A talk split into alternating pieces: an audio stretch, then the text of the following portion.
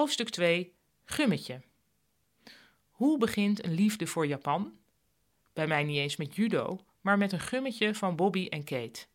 Bobby en Kate zijn twee hondjes, een soort B-keuze Hello Kitty. Hoewel, B-keuze, ze zijn veel leuker. Ze zijn namelijk altijd gezellig met elkaar aan het spelen, terwijl Hello Kitty alleen maar wezenloos naar de einder staart. Net als bij Hello Kitty hoort er geen tv-serie of boek bij Bobby en Kate. Ze bestaan alleen in de wereld van de uberschattige spulletjes.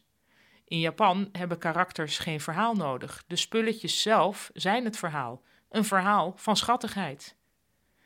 Ik had dus een gummetje van Bobby en Kate, maar ook een potlood.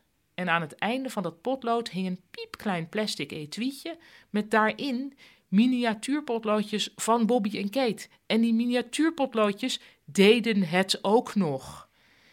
Ik was me er niet van bewust dat ik Japan aan het meemaken was. Voor mij waren Bobby en Kate gewoon Bobby en Kate.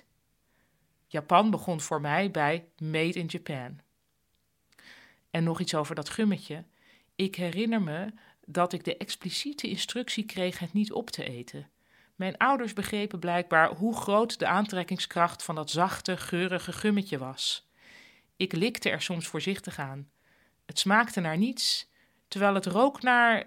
naar wat eigenlijk? Naar iets wat niet bestond? Een droomgeur.